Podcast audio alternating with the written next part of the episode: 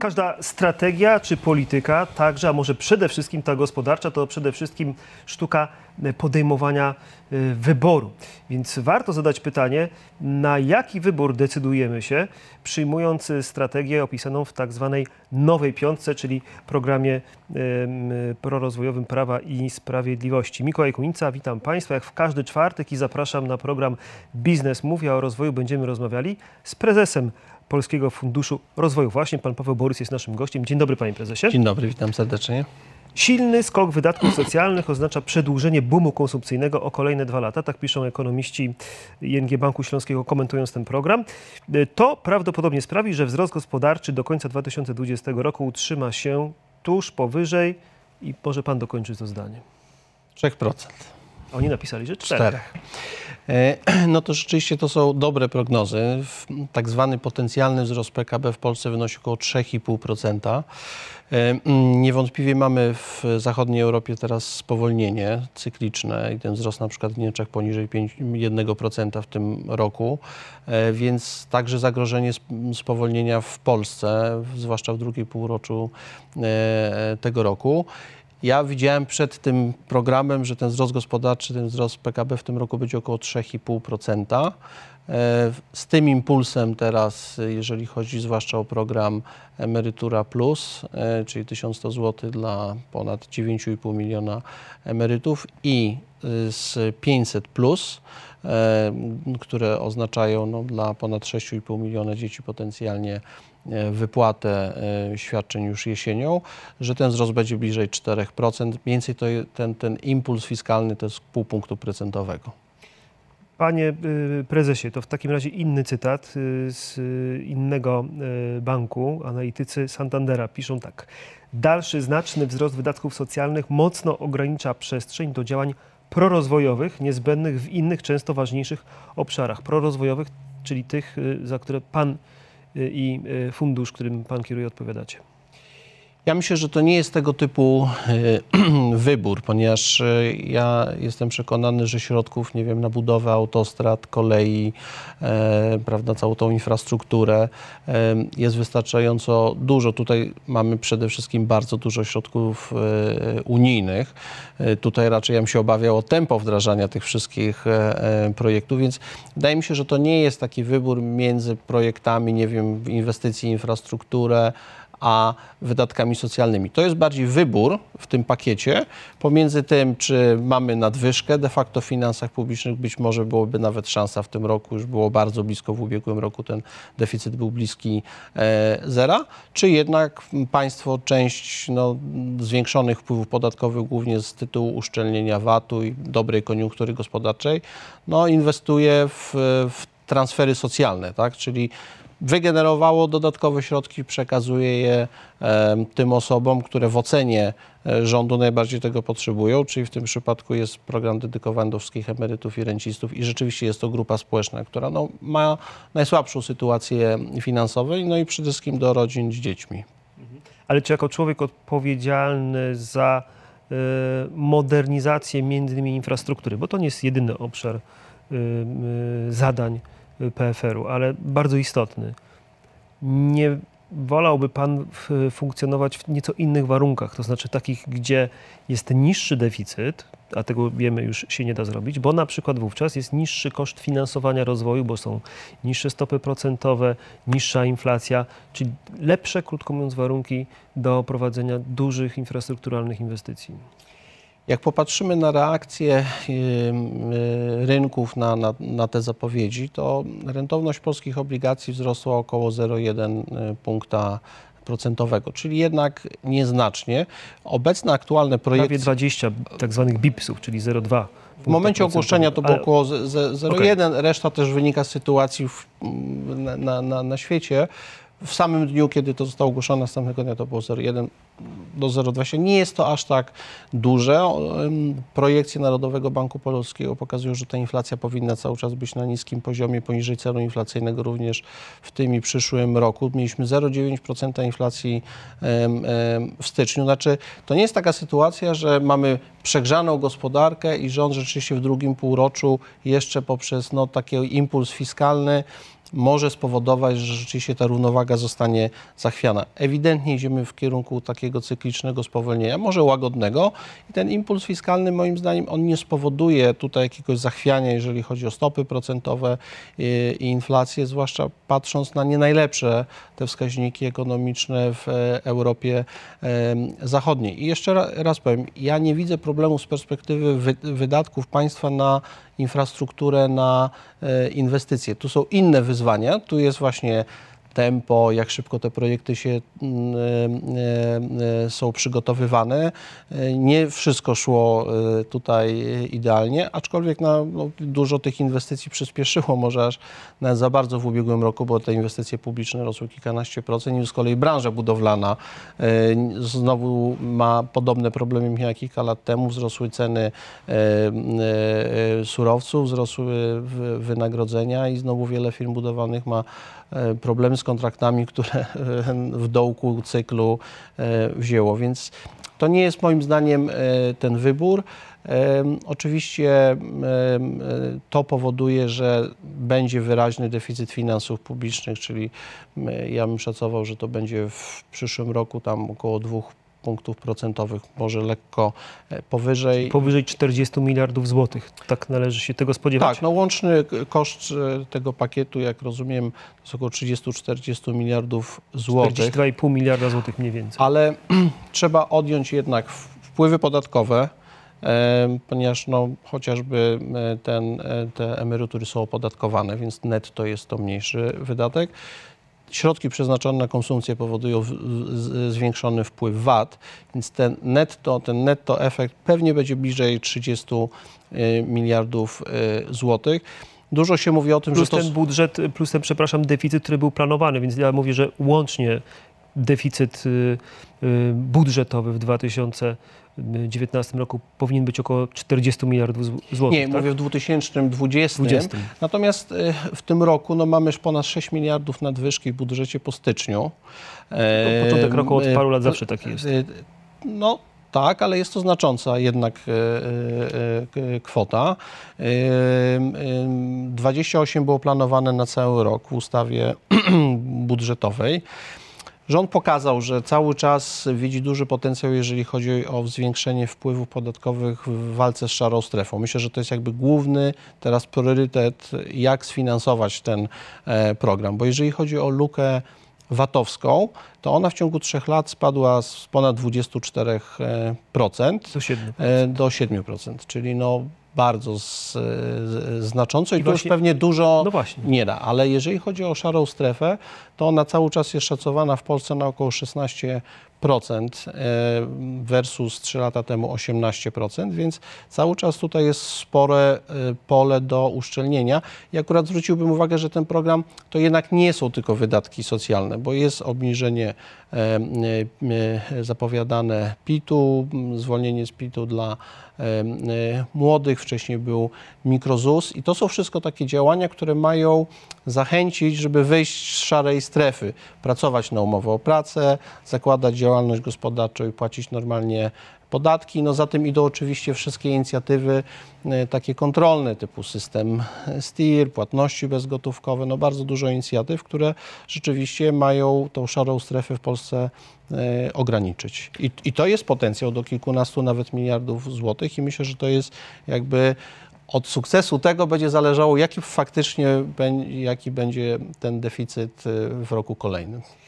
Ostatni już cytat, y, ale moim zdaniem najważniejszy, bo y, z agencji ratingowej Fitch, która należy do tej wielkiej trójki i wyrokuje, można tak powiedzieć, dla rynków finansowych atrakcyjność inwestowania w obligacje, czyli w, ten, w to źródło finansowania deficytów, czy też nie. I Fitch ostrzega, że deficyt może podskoczyć do 3% PKB a przypomnijmy, to jest taka dosyć istotna granica, bo jesteśmy zobowiązani jako członek Unii Europejskiej do nieprzekraczania tej, tej, tej granicy, tego progu.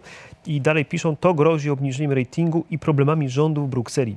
Ja spytam, czy rzeczywiście jesteśmy na to gotowi, bo dzisiaj mamy fantastyczny ten wskaźnik 0,5%, bardzo bezpieczne, więc czy cena za taki wybór nie jest zbyt wysoka na poziomie ryzyka systemowego? Ja tu przypomnę, że jednak agencje ratingowe też e, co jakiś czas ostrzegają ale nie zawsze to się sprawdza, prawda? I, i tak było już wielokrotnie. Ale Trzeba pan- ostrzegać. Ale nie czuje pan ryzyka, że może nam się zmienić rating na mniej korzystny, albo perspektywa przy rewizji tego ratingu cyklicznym co pół roku, że któraś z agencji może nam obniżyć rating? Fundamentalnym e, elem, takim e, elementem wpływającym na rating, na rentowność naszych obligacji, w ogóle taką kondycję też finansów publicznych jest wzrost gospodarczy. I prawda jest taka, że jeżeli ten wzrost gospodarczy rzeczywiście będzie w, w tym, w przyszłym roku w przedziale co najmniej 3,5-4%, przy inflacji 1,5-2%, mówimy o nominalnym wzroście PKB o 7 e, prawie procent. To jest bardzo silny wzrost, który pozwala sfinansować tego typu skalę impulsu mm, mm, fiskalnego wydatków, prawda, e, budżetowych. Jest, pojawia się czasami taka krytyka, że to są wydatki sztywne ale one mają też ten walor, że są właśnie sztywne, nie są indeksowane, prawda? Jeżeli mamy te 40 miliardów szacowane, 43 miliardy kosztów całościowych programu e, 500 no to wiadomo, jeżeli on jest sztywny, a baza podatkowa rośnie 7%, PKB rośnie 7%, no to jego koszt e, w kolejnych latach jest mniej odczuwalny, prawda? I, I tak się będzie działo, więc tak długo jak koniunktura gospodarcza mm, nie pogorszy się istotnie, na przykład wzrost nie spadnie poniżej 3%, ja nie widzę istotnych ryzyk ani dla ratingu, ani dla finansów publicznych. Oczywiście, gdyby Europa Zachodnia wpadła w recesję, no to i na przykład byłoby to bardziej odczuwalne e, w, w naszym eksporcie, no to byłoby tu zagrożenie. Natomiast wydaje mi się, że mm, połączenie obecnie tej polityki fiskalnej i pieniężnej no jest bardzo takie mocno prowzrostowe i ten wzrost będzie atrakcyjny w tych najbliższych dwóch latach. Rząd y, przedstawił też źródła finansowania y, tego projektu. O części Pan już wspomniał. Dla mnie najciekawszy jest ten być może najmniejszy faktor, bo tylko albo aż 1 miliard złotych, a mianowicie Pan premier mówił, że trzeba zacząć y, ściągać podatki z firm tej e-gospodarki. Więc ja zapytam, czy Google, Facebook, Amazon, Netflix, y, y, Spotify będą płacić wyższe podatki w Polsce? Jakie? No tutaj premier Mateusz Morawiecki od roku, czy ponad nawet dłużej, jest bardzo konsekwentny. On podnosił problem na poziomie Unii Europejskiej, właśnie opodatkowania tych e, usług cyfrowych, które prowadzone są na terenie Unii Europejskiej, w tym w Polsce, ale spółki te nie płacą praktycznie w, w, tutaj e, e, podatków, wykorzystując różnego typu transfer dochodów. Zresztą mówił też sporo na poziomie Unii, jeżeli chodzi o też uszczelnienie systemu VAT-owskiego. Był na poziomie Unii Europejskiej w ostatnich miesiącach bardzo intensywnie dyskutowany ogólnoeuropejski tak zwany digital tax, który no, miał wynieść ileś tam procent. 3 e, dokładnie procent tak, to jest propozycja 3% francuska. Od przychodów. przychodów, powyżej 25 O ile mi wiadomo, tam co do konstrukcji szczegółów, głównie Niemcy, Francja nie znaleźli tutaj porozumienia i jak na razie ten temat się oddalił. Więc premier wrócił z tą propozycją w Polsce. Ja oczywiście nie zgadzam się na to, że jeżeli ktoś w Polsce świadczy jakiejkolwiek e, usługi, prowadzi działalność, unika płacenia e, podatków, prawda? Więc e, Ale to policzmy, bo 3%, jeśli 3% od przychodów tak, miałoby dać miliard złotych wpływów do budżetu, to te przychody sumarycznie musiałyby wynieść 33 y, miliardy złotych. Y, Sprawdziliśmy. Google y, za 17 rok, bo jeszcze nie ma danych za 18. Google Poland miał przychody 318 milionów złotych. Amazon miał miliard 400, Uber Polska 21 milionów złotych, Netflix, szacunek nasz, około 18 milionów złotych, Spotify 27 milionów złotych. No nijak nie są to przychody, z których można wycisnąć miliard przychodów budżetowych. Natomiast, y, jak rozumiem, rząd nie podał jeszcze szczegółów co do konstrukcji tego podatku, bo te 3% to była propozycja ta na, dyskutowana na poziomie e, Unii Europejskiej. Wydaje mi się, że też nie zawsze te wszystkie firmy jednakowo płacą podatki. No, Bazuję tutaj na jakiejś publicznej wiedzy. wiedzy. Wydaje mi się, że niektóre z nich płacą trochę więcej, a niektóre bardzo mało e, e, e, z tych firm. Uber w 17 roku w Polsce zapłacił milion złotych, Spotify 0 złotych. To jest chyba kwestia przychodów, które te No spółki Właśnie, a widziałem wykazują. inną statystykę na przykład, jeżeli chodzi o jedną z, e, z tych firm. Natomiast tak czy inaczej no, jest jakby, jak rozumiem, problem zidentyfikowany.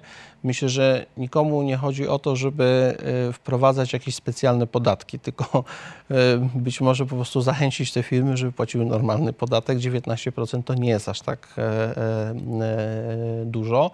Czy to jest miliard złotych, czy kilkaset milionów złotych? Na pewno nie są to małe kwoty.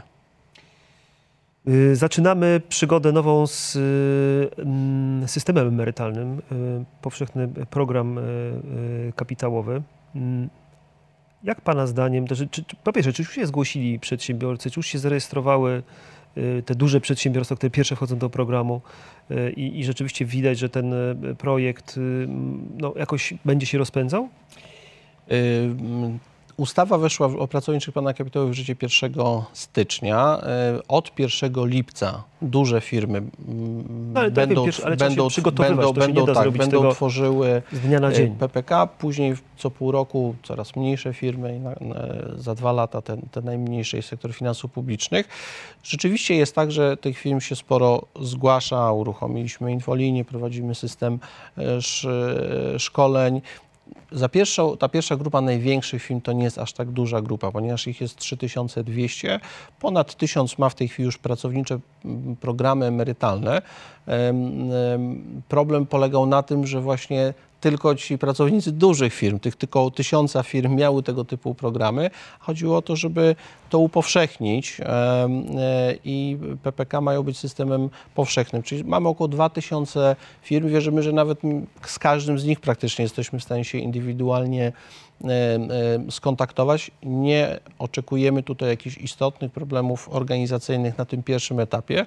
W miarę jak zrobią się z tego setki tysięcy firm, małych i średnich, no to będzie coraz większe takie wyzwanie logistyczne. Uruchomiliśmy dużą kampanię informacyjną. Zapraszam wszystkich na portal Moje PPK. Tam są wszystkie informacje. Uruchomiliśmy teraz nowy kalkulator, też kampanię w, w mediach. Zależy nam, żeby wszyscy Polacy poznali zasady PPK, zrozumieli, jakie są korzyści, głównie w postaci tego, że jak sam odkładam 100 zł, drugie mniej więcej tyle dopłaca mi pracodawca i jest ta dopłata ze strony e, budżetu, że te środki mogę w każdej chwili wybrać, że są to moje prywatne oszczędności dziedziczone.